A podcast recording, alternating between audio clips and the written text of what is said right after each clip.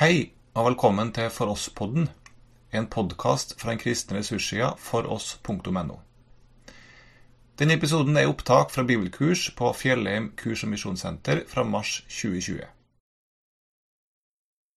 Med mye informasjon og artikler og filmer og diverse, og det kommer helt sikkert mer etter hvert også.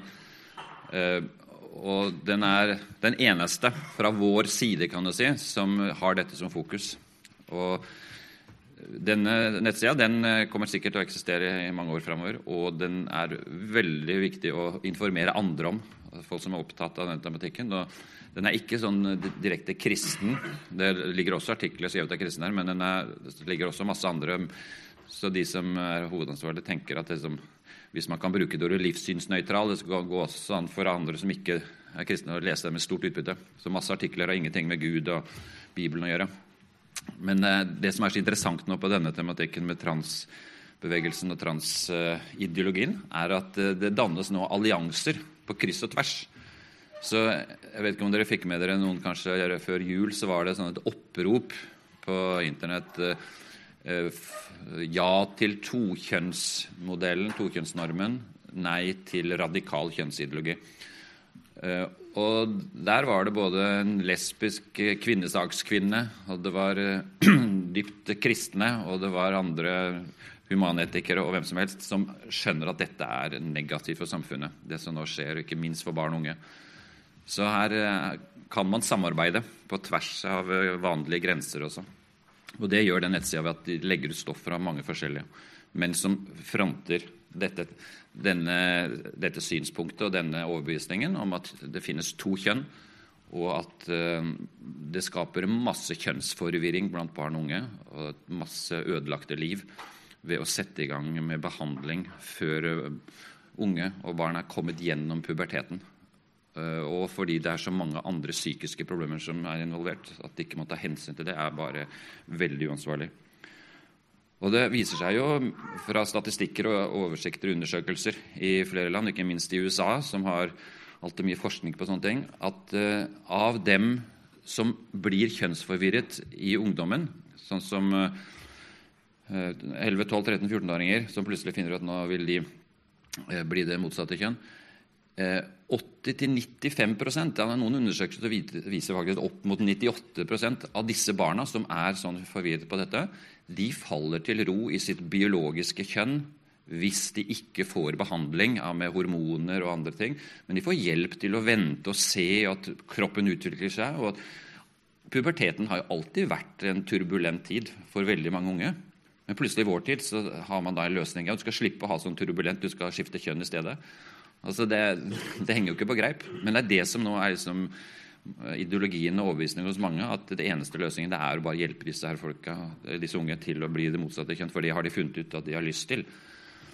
Men iallfall 80-95% er tall som brukes nå på at hvis du ikke kommer inn i det systemet, og sexologer og andre skal bekrefte at du er jo det motsatte kjønn, men at du venter at foreldrene også hjelper barna, og eventuelt oppsøker noen solid psykolog som er villig til å være med og hjelpe det barnet til å vente og ikke gjøre noe som helst av sånn eh, fysisk behandling og hormonell behandling, så blir altså det store flertallet eh, tilfreds med sitt biologiske kjønn når de har kommet gjennom den perioden. De har blitt 17-18 år gamle og eldre, kanskje. Og Det er jo interessant at det siste som utvikles i hjernen vår Jeg vet ikke om jeg nevnte det i går, tror jeg ikke, men det er jo frontallappen. Det er siste tingene i kroppen vår som utvikles alle de som er her, og alle mennesker, vi har ikke den fullt utviklet, den frontallappen, før vi er mellom 23 og 25 år gamle. Og det, Der ligger senteret for risikovurdering, for fremtidstenkning, for evaluering av ulike aspekter med tanke på hva, hva skjer fremover. Og ikke bare med mitt liv, men altså risikovurdering, ikke minst. Og når vi vet det at i hvert fall ikke før du er 23, så er det ferdig utviklet, og så skal man liksom gi 13-14-åringer autoritet i sitt eget liv til å si at jeg vil nå begynne med hormonbehandling altså Det er bare så ille. Så I Sverige så har, er det jo flere leger nå som sier hvor de er kommet enda lenger, men der har det kommet en pendelsvingning, faktisk. Fordi det har vært eh, to veldig sterke dokumentarfilmer på svensk TV eh, som heter 'Transtoget'. Det kan jeg godt skrive opp, for der en av dem ligger fortsatt på nettet. Det er en times eh, dokumentar hvor de har gått bak fasadene og så har de vært veldig kritiske fra svensk TV på hva som skjer nå med barn og unge. Og Der har mange politikere begynt å skjønne at dette er jo sånn medisinsk eksperimentering med våre barn. Og Der eh, sier jo svenske leger at dette største, kan bli den største medisinske skandalen i svensk historie hvis ikke dette stoppes. Eh, mens andre syns jo dette fortsatt er veldig flott. Så her er det mye konflikt også i Sverige. Men der har politikerne satt uh, foreløpig sånn La oss vente og se og få mer kunnskap her. Så et forslag i, alt, i Riksdagen ble trukket nå.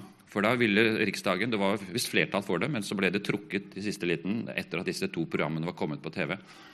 Og de skjønte alvoret. Uh, og da ville de altså senke alderen for når barn kunne begynne å opereres, til 15 år uten foreldrenes samtykke. Så og det har skjedd allerede. Et eksempel i Sverige. En 14-årig jente fikk fjernet begge brystene eh, fordi hun ville bli gutt. Og det er bare flere og flere som skjønner at dette er jo ikke sunt for samfunnet og for disse barna. Og det som også flere har begynt å skjønne, er jo at når du begynner med hormonbehandling, så blir du steril for livet. Da kan du ikke få barn. Eh, så det gjelder både menn og, kvinner når du begynner altså før puberteten og i puberteten. For da stopper du hele kroppens utvikling på det feltet. Og vet barna 14-15-16 år gamle hva det betyr. Nå kan du aldri få barn, selv om ikke det opereres. Så, så denne nettsida her, den eh, inneholder mye stoff sånn, om disse tingene, og med artikler og med eh, også, som jeg sa, filmer. Der ligger også den transtoget. Eh, da er tog på svensk. Det er med Å, ikke med O. Så hvis du skriver inn, bare søker på Google 'Transtoget', så kommer det opp med det samme. Eh, den, I hvert fall den ene nå, eh, dokumentaren som fortsatt ligger fram til slutten av mai på svensk TV. Og Du kan se gjennom den og, og gjerne dele den med andre. Det var jo oppslag her eh, i dagen, som jeg har nevnt, både mandag, tirsdag, onsdag jeg vet ikke i dag på torsdag men også er, Jeg har ikke sett dagen, men det kan hende. Men på mandag startet de en sånn serie med flere intervjuer og, og også lederartikkel og sånn. Og her var det jo på mandag det, og så er det et sitat fra en fortvilet mor som etterlyser motstemmer i debatten om kjønnsskifte. Og hun sier det offentlige helsevesen står klar med kniven for å korrigere min datters kropp. Det er en norsk kvinne som opplever at helsevesenet motarbeider hennes ønske om at dattera må ha tålmodighet, må vente til hun er gjennom puberteten. Og så er det da sånn, ikke minst en eh, sånn helsestasjon for seksuell, eh, seksualitet heter, i Oslo, som drives sånn er på frivillig basis av noen helsesøster og andre. Og ja, det er Kanskje de har noe kommunal tilknytning, det er jeg ikke sikker på. Men i hvert fall de driver med rådgivning og bekrefter disse barn og unge som kommer til dem. at jo, men du bør nok skifte kjønn.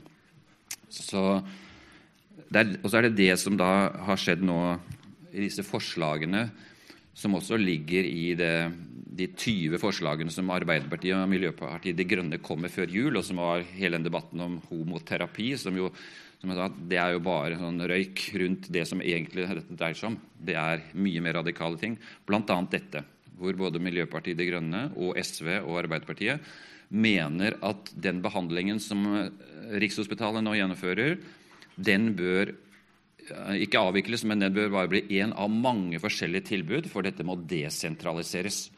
Denne rådgivningen for å hjelpe ungdom som sliter med kjønnsdysfori, det bør desentraliseres til fylker og kanskje ned til kommunenivå, sånn at til og med helsesøstre og leger, fastleger, kan begynne å både rådgi og også kanskje på sikt begynne å gi hormonbehandling til unge som kommer til dem uten den spesialiseringen som nå eksisterer, og som er veldig ansvarlig ved at de, de opererer ingen før de har blitt 18 år på Rikshospitalet. Og det er et positivt tegn. Så de har vært mye mer tilbakeholdne enn nå politikere ønsker å være. Og helt sikkert mange sånne såkalte sexologer her, som er utdannet på Universitetet i Agder. Alle de som har tittel sexolog, de har jo bare ett års kurs eh, etter at de har en annen yrkesutdannelse. Men de får lov å kalle seg sexologer. Og disse er det jo nå blitt mange titalls av.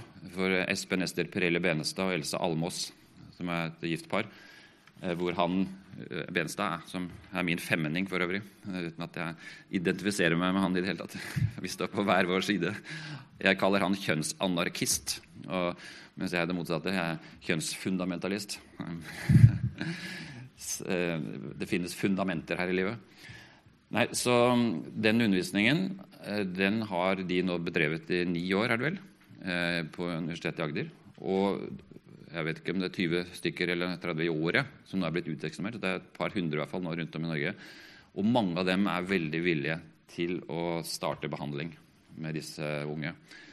Så det kan være noe som også ligger i kortene her for framtidig både bønn og også emner for forbønn. Og også bevissthet om at det er ikke bare helsevesenet, det offisielle, som kanskje går av skinnene og går av sporet her, men det er jo de private aktørene også. For her er det mye penger å hente også.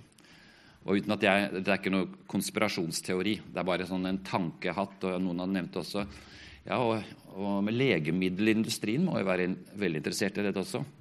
For hvis de greier å få eh, Eller ikke greier, det er ikke sikkert de gjør det bevisst, men altså hvis de får pasienter, unge mennesker 16-17 år, som nå blir avhengig av hormontabletter resten av livet, så blir jo det fin business, det. Tusenvis og kanskje hundretusenvis av barn og unge som trenger tabletter hver dag for å holde oppe det kjønnsskiftet de har gjort. Så hvem vet om det skjer ting bak kulissene her. Eh, penger overstyrer mye. Så dette er ikke noe påstand, det er bare sånn en tanke, refleksjon, som flere har gjort, og som jeg har snakket med folk om også. Der, eh, her kan det være mange ting vi ikke vet om, som, eh, som skjer bak kulissene. Og det er jo i hvert fall én milliardær i USA som eh, selv definerer seg som transperson, og som har gitt millioner på millioner av dollar til ulike grupper og prosjekter og påvirkning av lovgivere og sånn for å, fremme denne agendaen. Altså, og sånn er det jo mye som ikke vi vet om, ikke bare på dette feltet, men på mange felt. Så Der hvor det er sterke ideologiske eh, føringer og ønsker, der er det mye som eh, går under radaren, og som mange medier også heller ikke ønsker å skrive om. Så det nettstedet der, da har dere fått det, og det anbefales på det varmeste. Da skal vi se litt på noe av det som eh, kjennetegner, og som, eh, ja, kjennetegner Foreningen FRI, og også noen andre aktører som jobber på dette feltet. Bare, nå tenker jeg ikke bare lenger på transtematikk, men i det hele tatt denne radikale kjønnsideologien, hvor det vi er vant til å tenke på Eh, både om kjønn, men også om seksualitet, om foreldreskap, om eh, ekteskap og samliv osv. Eh, jo blir motsagt og motarbeidet til de grader av flere aktører. Og da Et sentralt sted som ting har foregått i 20 år, det er jo Senter for tverrfaglig kjønnsforskning ved Universitetet i Oslo. Og De har lagt på mange måter det akademiske og filosofiske grunnlaget, og i samarbeid med mange andre aktører i utlandet også. Og I fireårsperioden 2008-2011 fikk senteret f.eks. 56 millioner kroner fra Norges forskningsråd for å drive med kjønnsforskning. Og eh, Kjønnsforskning her det betyr jo alt mulig som har med disse temaene å gjøre, og hvor de aller fleste er sånn hyperradikale eh, og ønsker å være revolusjonerende og være, bli kjent fordi de kommer og publiserer artikler som er annerledes, som eh, oppløser det vanlige tenkesettet, og hvor eh, denne normkritikken, som vi kommer til å høre mer om etter hvert nå, eh, er et av stikkordene. Man skal demontere normer og tradisjoner og det vanlige, og så skal vi tenke helt nytt. For vi må fri oss fra både det patriarkalske samfunnet og fra alle disse gamle tradisjonene som holder mennesker nede i ufrihet. Det er liksom noe av tanken. Jeg vet ikke om dere husker, i hvert fall dere av min generasjon, 2010 så hadde han Harald Eia sånn, en serie med fem programmer. var det Hjernevask het den. Og Der ble jo kjønnsforskningsmiljøet virkelig stilt til veggs og ble avslørt på mange måter at dette var jo bare uh, sånn synsing av enkeltpersoner. Det var jo ikke noe forskningsmessig basis for dette her, som de holdt, med, holdt på med. Men allikevel så så ble det bare forbigående. De, de tapte på en måte i kulturkampen i aviser og i debatten eh, på den tida, i 2010. Men så har dette kjønnsforskningsmiljøet på en måte reist seg igjen, og nå er det de som dominerer. Og det som Harald Eie avslørte i 2010, det Det har folk glemt, eller det gjelder ikke lenger. Og så er det Foreningen FRI, som jo mange av oss etter hvert kjenner. og Det er jo den som het LLH fram til år 2016. Og jeg skal vise bare kort navnehistorikken deres, som er interessant i seg selv. Den sier litt om uh, hvordan strategien endrer seg. Men det er jo en aktiv og velorganisert interesseorganisasjon og lobbygruppe med nære kontakter til media og politikere. Aktøren med størst innflytelse i dag. Foreningen har i overkant av 3000 medlemmer på landsplan.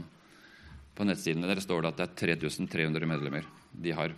Og de har gjort det som de prøver å lære i andre land også, nemlig eh, å jobbe gjennom de politiske partienes ungdomsorganisasjoner. Det ble i høst utgitt en rapport fra et nettverk av 90 forskjellige sånne homogrupperinger og ikke bare homo, men sånne radikale kjønnsbevegelser i europeiske land. De er sammensluttet i 90 forskjellige. Det ligger om Transinfo ligger en rapport som de ga ut nå i høst, og som eh, viser Vi kommer liksom bak kulissene. Hva er det som eh, er blitt gjort, og hva har de tenkt? Hvilke strategier har de brukt for å nå fram i ulike land? Og Der blir Norge fremhevet som et vellykket land.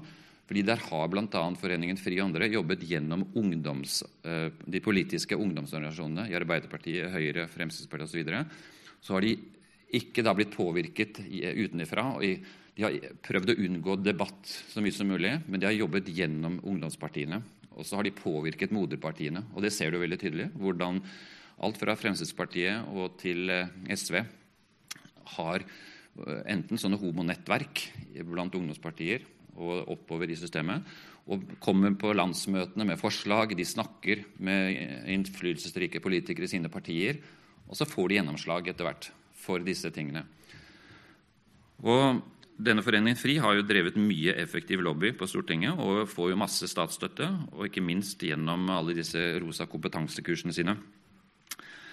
Men en annen offentlig aktør som eh, er nesten ukjent, nesten ingen som har hørt om det, det er LHBT-senteret. Nasjonalt kunnskapssenter for seksuell orientering og kjønnsidentitet er det offisielle navnet. Som er et kontor under Bufdir, Barne-, ungdoms- og familiedirektoratet, som eh, Reid, uh, ikke, Lysbakken Hva heter han til fornavn? Audun, ja. Audun Lysbakken, da han var i regjering, fikk opprettet i 2011. Der er det tre heltidsansatte, og som har langt på vei den samme agendaen som Foreningen FRI. Og disse folka i dette senteret, det er altså en avdeling som jeg sa, i Bufdir Senteret ønsker å være en pådriver for LHBTIQ-perspektivet i utvikling av ny politikk. Vi ønsker å legge til rette for å påvirke politikerne sammen med Foreningen FRI og andre til at Norge skal få en ny, radikal politikk når det gjelder kjønn og familie, seksualitet, ekteskap osv. Så, videre. så det er jo veldig spesielt at uh, i departementet, eller under departementet så er det en egen avdeling som blir lønnet fra statlige midler, som driver med mye av det samme som, som Foreningen FRI uh, holder på med.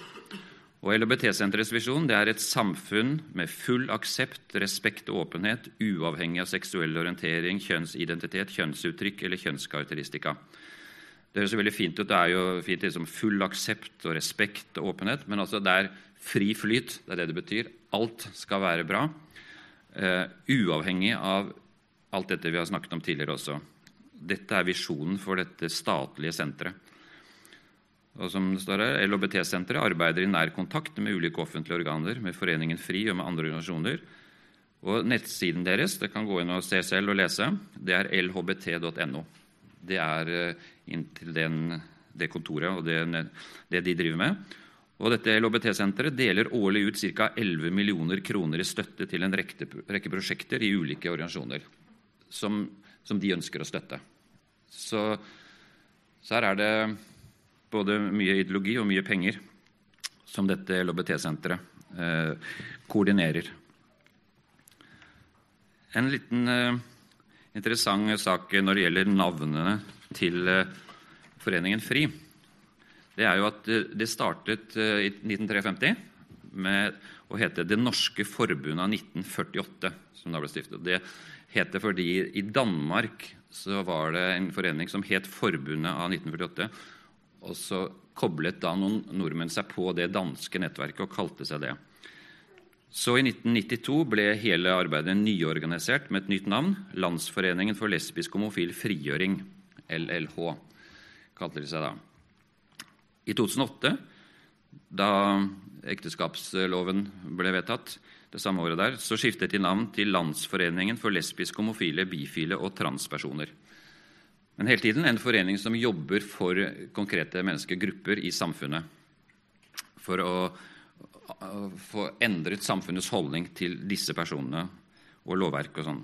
Men så, i 2016, så skiftet de da navn til FRI, Foreningen for kjønns- og seksualitetsmangfold, som de har nå.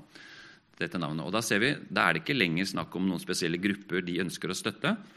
Nå er det å forandre samfunnet. Det er å skape et mangfold, det er å skape et helt nytt eh, syn på seksualitet og på kjønn i samfunnet.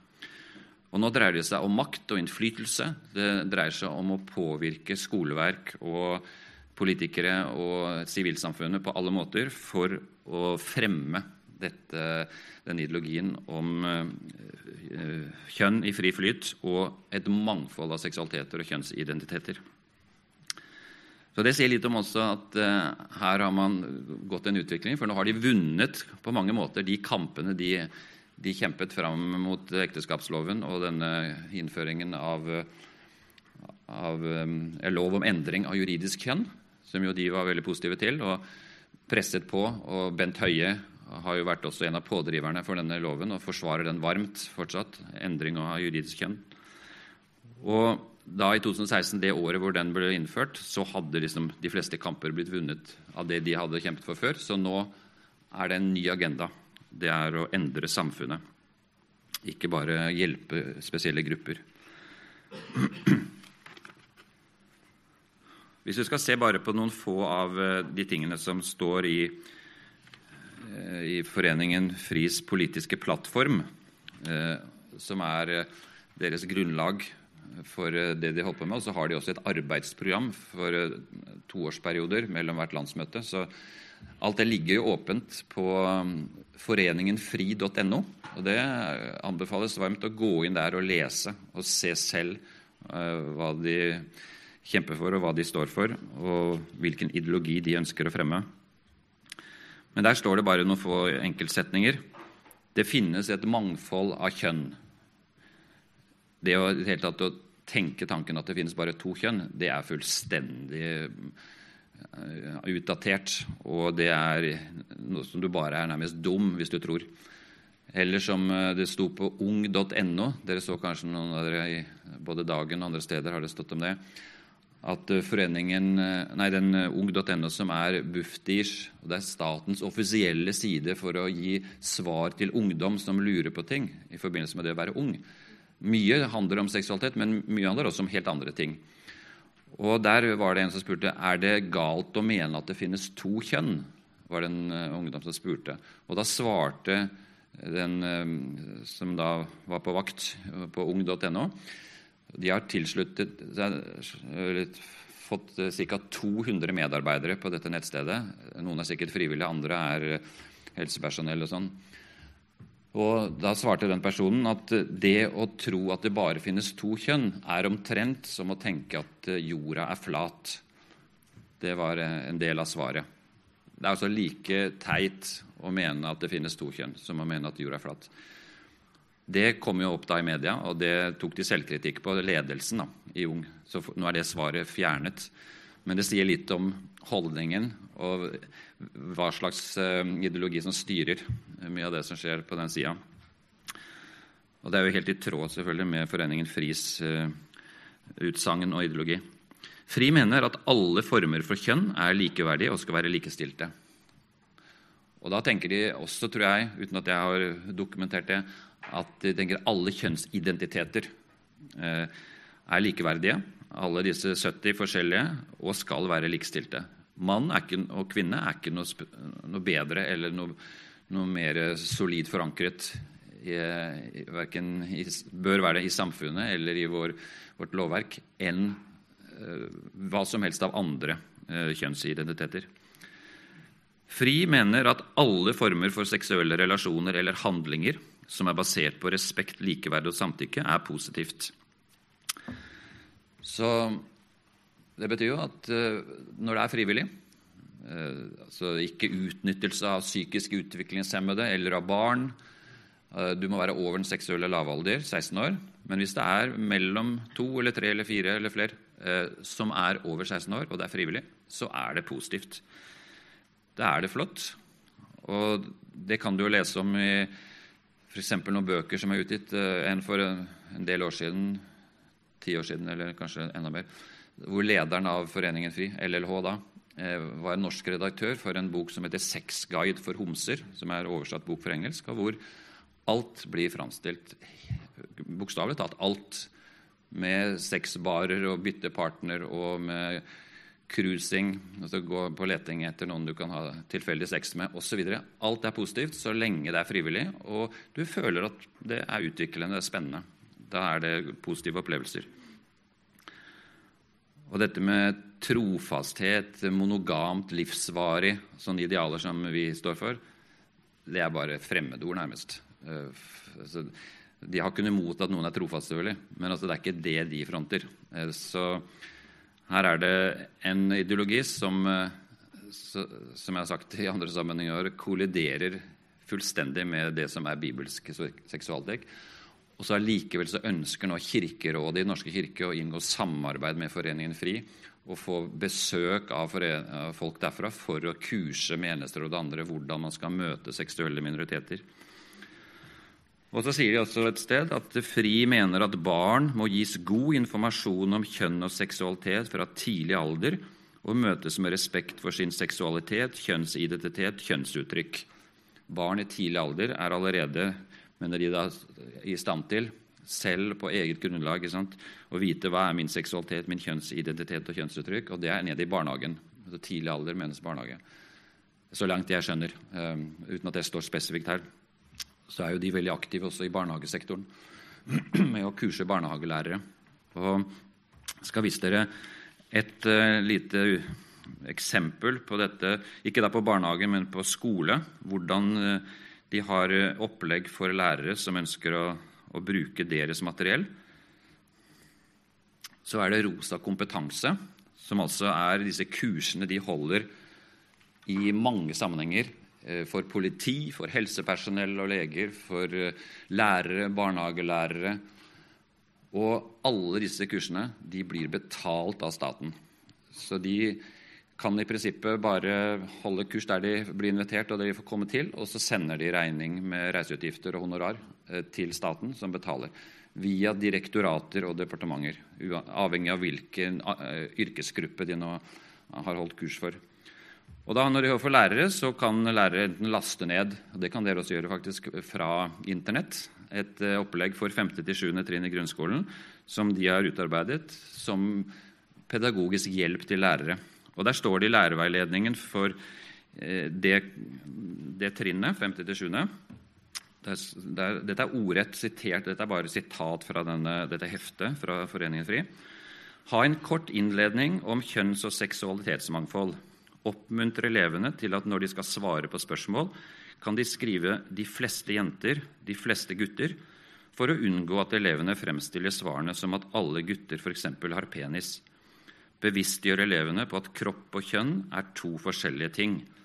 Fortell gjerne elevene at ikke alle er jenter eller gutter, og at setningen 'gutter, jenter og andre kjønn' gjerne kan brukes.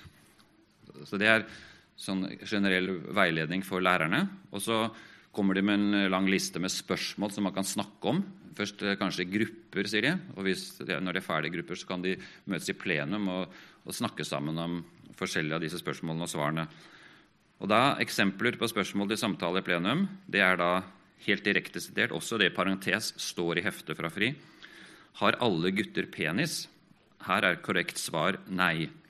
Har alle jenter klitoris? Her er korrekt svar nei. Kjenner alle seg som gutter eller jenter? Korrekt svar nei. Hvem kan man bli forelsket i? Gutter, jenter og andre. Så Dette er eh, det som våre barn og barnebarn eh, skal lære på skolen. Eh, ifølge Foreningen FRI. Og Dette er jo ikke noe som er obligatorisk materiell i norske skole, men det skal bli spennende nå med den nye læreplanen som kommer nå etter sommeren, og også hva slags eh, innflytelse denne Foreningen FRI får framover. Fordi eh, blant de forslagene som MDG og Arbeiderpartiet la fram nå i høst, og som det var kun ett av de 20 punktene som ble framstilt der, som det ble diskusjon om, nemlig den såkalte homoterapi, som var fullstendig meningsløst på mange måter. Men i hvert fall, eh, det var jo 19 andre forslag som nesten ingen skrev om. Ingen aviser tok opp. Og der var jo eh, hovedfokus i både MDGs og altså Miljøpartiet De Grønne og Arbeiderpartiet, det var jo at det må bli mer fokus på kjønn og seksualitet i skole og barnehage. Eh, rosa kompetanse må få bedre arbeidsvilkår. Den radikale, altså De brukte ikke det ordet, men det var i praksis den radikale kjønnsideologien må bli mer, kommunis, bedre kommunisert og få større gjennomslag i samfunnet. Det var egentlig det disse forslagene handlet om. Og så var dette her med at det skulle bli forbudt da, å hjelpe folk som sliter med sin seksualitet, til å se om de kanskje kunne få, uh, bli kvitt sine homofile følelser og få mer heteroseksuelle følelser. Hvem er det som holder på med det i Norge? Altså, det er nesten ingen som vet om det er noen. i det hele tatt. Men det var det som fikk alt fokus pga. denne VG-TV eh, om homoterapi, som, som, fikk hele fokus. Og Her hadde, tror jeg at Foreningen FRI eh, har vært veldig aktiv aktør i å forberede hele dette opplegget. En samkjørt aksjon mellom VG, politiske ungdomspartier og, og disse forslagene som eh, de to partiene kom med. Og Det å lese de 20 forslagene det er nesten som å lese opp eh, det, det som Foreningen FRI skriver på sine nettsider. Noe virker nesten som direkte sitat. Så her er det allianser eh, bak fasaden som ikke er noe konspirasjonsteori, for det er helt naturlig at det gjøres sånn. Det gjøres det på mange felt, men her skjer det også. At folk snakker sammen, planlegger strategi. Hvordan kan vi få best gjennomslag? Eh, jo, vi fremmer de og de forslagene i Stortinget, så kan VG lage noe. Han er jo selv en aktivist, han journalisten i VG, som laget den, den filmen, eller de filmene. Så, så sitter veldig mange av oss andre. Vi vet ikke om det, eller vi bare følger med. Og, og det skjer lite mens det er stadig nye barrierer som faller. Så det er ikke lett å vite. Man kan føle seg maktesløs. Eh, hva gjør man? Og hele denne ideologien her, som nå har presentert, eh, brokker av, den er jo veldig i tråd med Den flyter jo på en bølge eh, i vårt samfunn og vår kultur nå av relativisme av en hyperindividualisme, hvor selvrealisering er et av de store målene. Og, så de, de, har jo sånn drahjelp hele tida. Eh, mens mye av det vi står for, er jo i motbakke, fordi vi har et helt annet grunnlag, lever på en annen etisk planet på mange måter. Og Jeg skal vise dere noen sånne viktige drivkrefter som eh, jo vi kan kan se på og regne med som viktige i denne sammenhengen. Og det er et uh, spenn på i hvert fall 2000 år her. Jeg nevnte så vidt i går i forrige sesjon dette med gnostisk tankegods.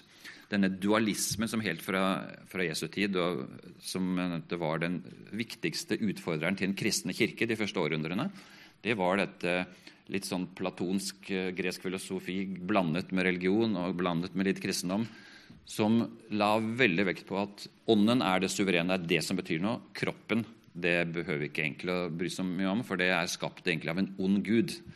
Eh, den høyeste Gud, han skapte ånden vår. Og det er det vi må følge. Og Derfor så ble det et skarpt skille mellom ånd og kropp. Sjel og kropp. Og Den tank, type tankegang har vi fulgt eh, opp gjennom århundrer også, men vært mye mindre tydelig enn den er blitt nå i vår tid. hvor også det er dette med følelser og sånn, det er det som betyr noe. Kroppen er bare sånn råmaterie. Vi kan gjøre det vi vil med. Og Så har vi da opplysningstiden, sekulariseringen, det autonome individet fra 1700-tallet og framover, hvor liksom Gud ble ikke nødvendigvis avskaffet, og folk kunne fortsatt kalle seg kristne, men som Gud var satt litt sånn på sidelinjen. For nå var det det opplyste, autonome mennesket som sto i fokus. Hva kan vi greie som mennesker å utrette, og hvordan kan vi temme naturen? Og da altså temme kroppen vår, gjøre med kroppen det vi ønsker. Så er det darwinisme, naturalisme, menneske er et høytstående dyr. altså hele denne utviklingslæren om at, og teorien om at uh, alt er egentlig tilfeldig. Det finnes jo ikke noe som er planlagt. Det finnes ikke en gud bak det hele.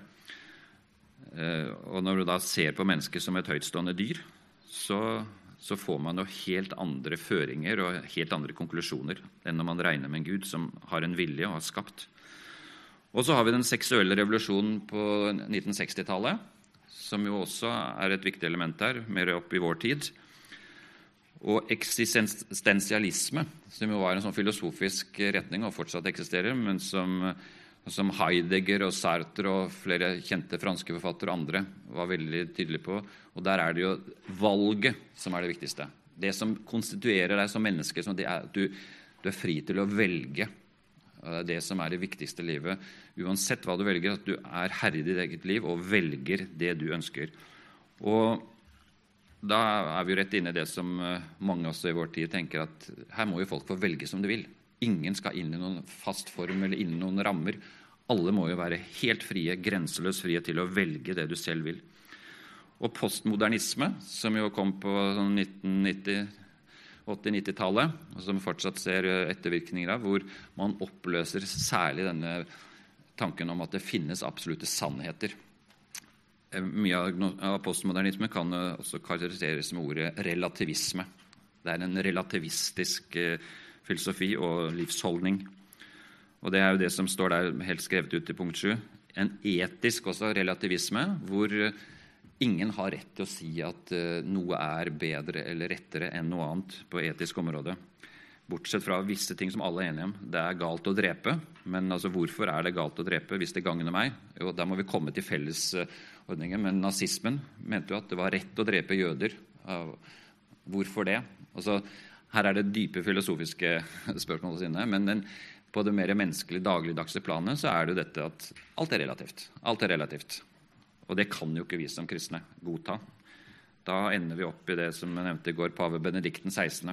Altså han snakket om at eh, Europa kanskje er inn i relativismens diktatur. Så er det hedonisme, nytelsesmoral. Eh, det er jo et gresk fremmedord, men altså det har jo med det at eh, det som gir meg liksom, kicket, det som får meg til Oi, nå lever jeg. Dette er bare herlig. Det vil jeg ha mer av. Hvor nytelse og tilfredsstillelse står i sentrum ofte uten å tenke på konsekvensene på litt lengre sikt. Enten det er eh, narkotika, alkohol, enten det er å hoppe ut eh, i fallskjerm og det føler bare at Oi, dette er så herlig. Eller det er sex, eller det er andre ting.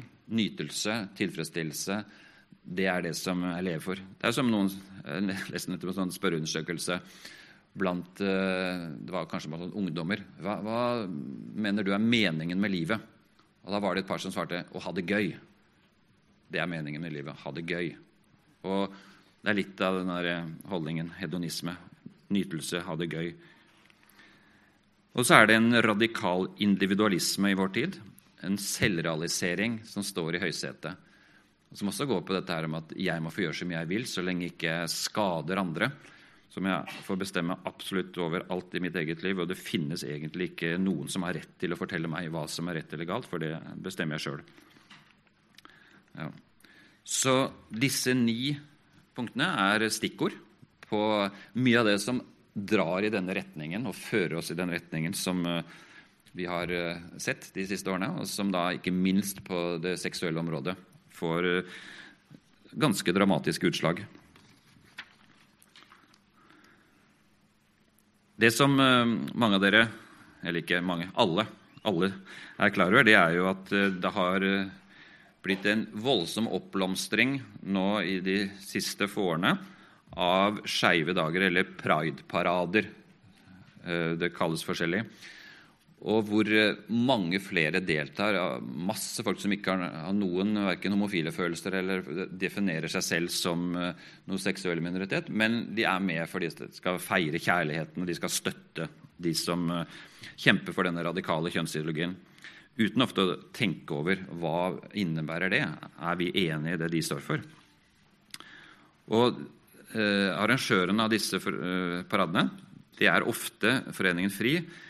Ellers er det medarrangører som blir støttet av Foreningen FRI på ulike steder i Norge. Og Fram til bare for tre år siden så var det bare i noen av de største byene. hvor de foregikk. Nå er det jo overalt. Jeg hørte noen sa at i Nordreisa skal det være nå ikke så lenge. Og det er jo mange, mange forskjellige steder. Og Profilen det er jo at arrangementene presenteres som støtte til homofile og som en feiring av kjærlighet og mangfold. Og så påstår jeg da, at uh, egentlig så dreier det seg mye mer om en legitimering. I praksis fungerer arrangementene i stor grad som en anerkjennelse og en legitimering av den radikale kjønnsideologien som Foreningen FRI står for. De bruker dette for alt det er verdt, selvfølgelig, i alle sammenhenger. De kan jo overfor politikere og alle mulige andre vise hvor stor støtte de har for sin agenda. For det er jo ingen som går med paroler i disse pride-togene. Vi sier nei til Eh, til polygami. Vi sier nei til sexkjøp. Vi sier nei til kjønn i fri flyt og sånn. Nei, Det er jo bare ja til eh, Foreningen FRI og hele denne agendaen uten at de har tenkt igjennom veldig mange. Jeg tror jo mange på en måte blir lurt til å være med på feil premisser i mange av disse paradene. Og Regnbueflagget brukes nå også av mange kommuner sånn, som et symbol for mangfold. Men symbolet er, for, er, jo et eh, signal om seksuelt mangfold. Det er det det blir laget for, og det er det det blir brukt for i nesten alle land i verden. Ikke mangfold i generell forstand. Og det har de gjort siden det ble laget i 1978 av en uh, kar i San Francisco som uh, fikk oppgave, eller han fant ut sjøl, å lage et symbol som de kunne bruke i en sånn parade i San Francisco. Og så har det spredd seg. da og noe som er litt interessant, som kanskje dere har noe innspill på, snakk gjerne med meg, det er Flere har kommet til meg og sagt kan vi ikke lage et alternativt regnbueflagg, fordi vi må ta tilbake regnbuen. Eh, lage et regnbueflagg eller et annet flagg som signaliserer noe annet enn det som eh, den radikale kjønnsideologien bruker det til. Så hvis noen av dere har noen tanker om det, så, så kom og snakk med meg. For vi jobber litt om kanskje det hadde vært mulig å få til. Et flagg som da kommuniserer. Um, da er vi kommet uh, snart mot slutten her. Men jeg har lyst til bare å gi ett bilde til slutt, som jeg kommenterer kort. Um, om hvordan vi forholder oss til uh, denne radikale kjønnsideologien. For det første så må vi sette oss inn i den og bli overbevist om at den denne ideologien er uholdbar. Altså Radikal kjønnsideologi, eller skeiv ideologi, som mange vil kalle det. Vi må avvise den uholdbare troen på at seksualitet, fruktbarhet og foreldreskap ikke hører sammen, og at kjønn er en sosial konstruksjon uten biologisk basis. Samtidig må vi møte enkeltmennesker med kristen nestekjærlighet. Det er utrolig viktig her å skjelne og skille mellom sak og person, mellom ideologi og individ. Ideologien skal vi absolutt avvise på ulike måter, på en vennlig, men fast måte. Men samtidig må vi møte individer, enkeltmennesker, og ikke minst de som sliter. Ikke aktivistene i første rekke, men alle de som har problemer med sin egne liv. De skal vi vise masse kristen nestekjærlighet overfor, og ikke eh, fjerne oss fra dem eller fordømme dem. Og Her er det mange dilemmaer og utfordringer, men der trenger vi virkelig å be Gud om masse visdom og kjærlighet. Og hverandre om både forbønn og råd. Og så er det Guds design. Vi må ta på alvor at skaperens design for familie, ekteskap og barn er den mest barnevennlige og bærekraftige modellen, basert på biologiske realiteter. Vi må virkelig sette oss inn i og tro helhjertet på det Bibelen sier om Gud som skaper, om at vi er skapt til mann og kvinne, og at seksualiteten har sine rammer som han har definert. Barn og unge, Vi må lære våre barn og unge hva som er den bibelske forståelsen av kjønn og seksualitet, ekteskap og familie. Og Her får foreldre nå, og besteforeldre en mye, må ta en mye mer aktiv rolle og følge med i læreplaner, snakke med lærerne hva de bruker av materiell, av bøker, eventyr. Er det to prinsesser som skal gifte seg med hverandre osv.? Får de besøk av Foreningen FRI? Hva er det som skjer i uke seks? Som jo nå flere og flere skoler har innført at da skal de få besøk eller bruke materiell fra en organisasjon som er sånn parallell organisasjon til Foreningen FRI, som heter eh, Sex og samfunn. Og har veldig mye samme agendaen, men de jobber på litt forskjellige måter. Og hele tatt, Foreldre og besteforeldre må nå følge med mye mer aktivt. Det blir mer krevende for oss, og vi kan ikke lenger regne med at skolen er på vår side i disse spørsmålene. Og kanskje ikke barnehagen heller, avhengig av lærerne. Og så er det bønn. Vi må hjelpe hverandre til å møte den radikale kjønnsideologien i bønn, tro mot sannheten i kjærlighet. Vi er kalt til å avsløre tankesystemer, verdier, filosofier og moralnormer som kolliderer med Guds vilje, og samtidig elske våre medmennesker. Og Det er som Paulus sier i Efeserne 6. Vi har ikke en kamp mot kjøtt og blod. Det er ikke mot andre mennesker, men mot åndsmakter, mot krefter i himmelrommet, mot eh, systemer, tankemåter, mot eh, moralnormer som kolliderer. Så Det er der kampen må stå på det ideologiske plan særlig, og så må vi møte våre medmennesker på en så Jesus-lik måte som mulig. Og troens pris. Vi må venne oss til at troen på Jesus som Herre og Mester kan ha en pris i tråd med det Jesus lærte sine etterfølgere. Av eh, Bibelen, eh, Nytestamentets 27 skrifter så står det noe om troens pris, og at det, det kan koste noe å følge Jesus, i 24 av Bibelen, eh, Nytestamentets skrifter. I 24 skrifter så står det på mange forskjellige måter. At å følge Jesus er å ta sitt kors opp. Det handler om at har verden hatet meg, vil den også hate dere. Det er mange forskjellige vers rundt omkring som handler om dette. Og det må bli en del av vår tro også. At ikke vi bare passerer forbi og tenker ja, det gjelder forfulgte kristne i, i muslimske land. og noen. Det gjør det også. Vi har masse å lære av våre forfulgte trossøsken om å stå fast også når det stormer. Men eh, vi må ta det til oss at eh, kanskje det blir nødvendig for noen av oss også å betale en pris. Så dette er eh, noen momenter på akkurat den tematikken om hvordan vi forholder oss. Og Vi kommer atskillig mer inn på det også i den sesjonen, som handler om Jesus som forbilde og Bibelen som autoritet.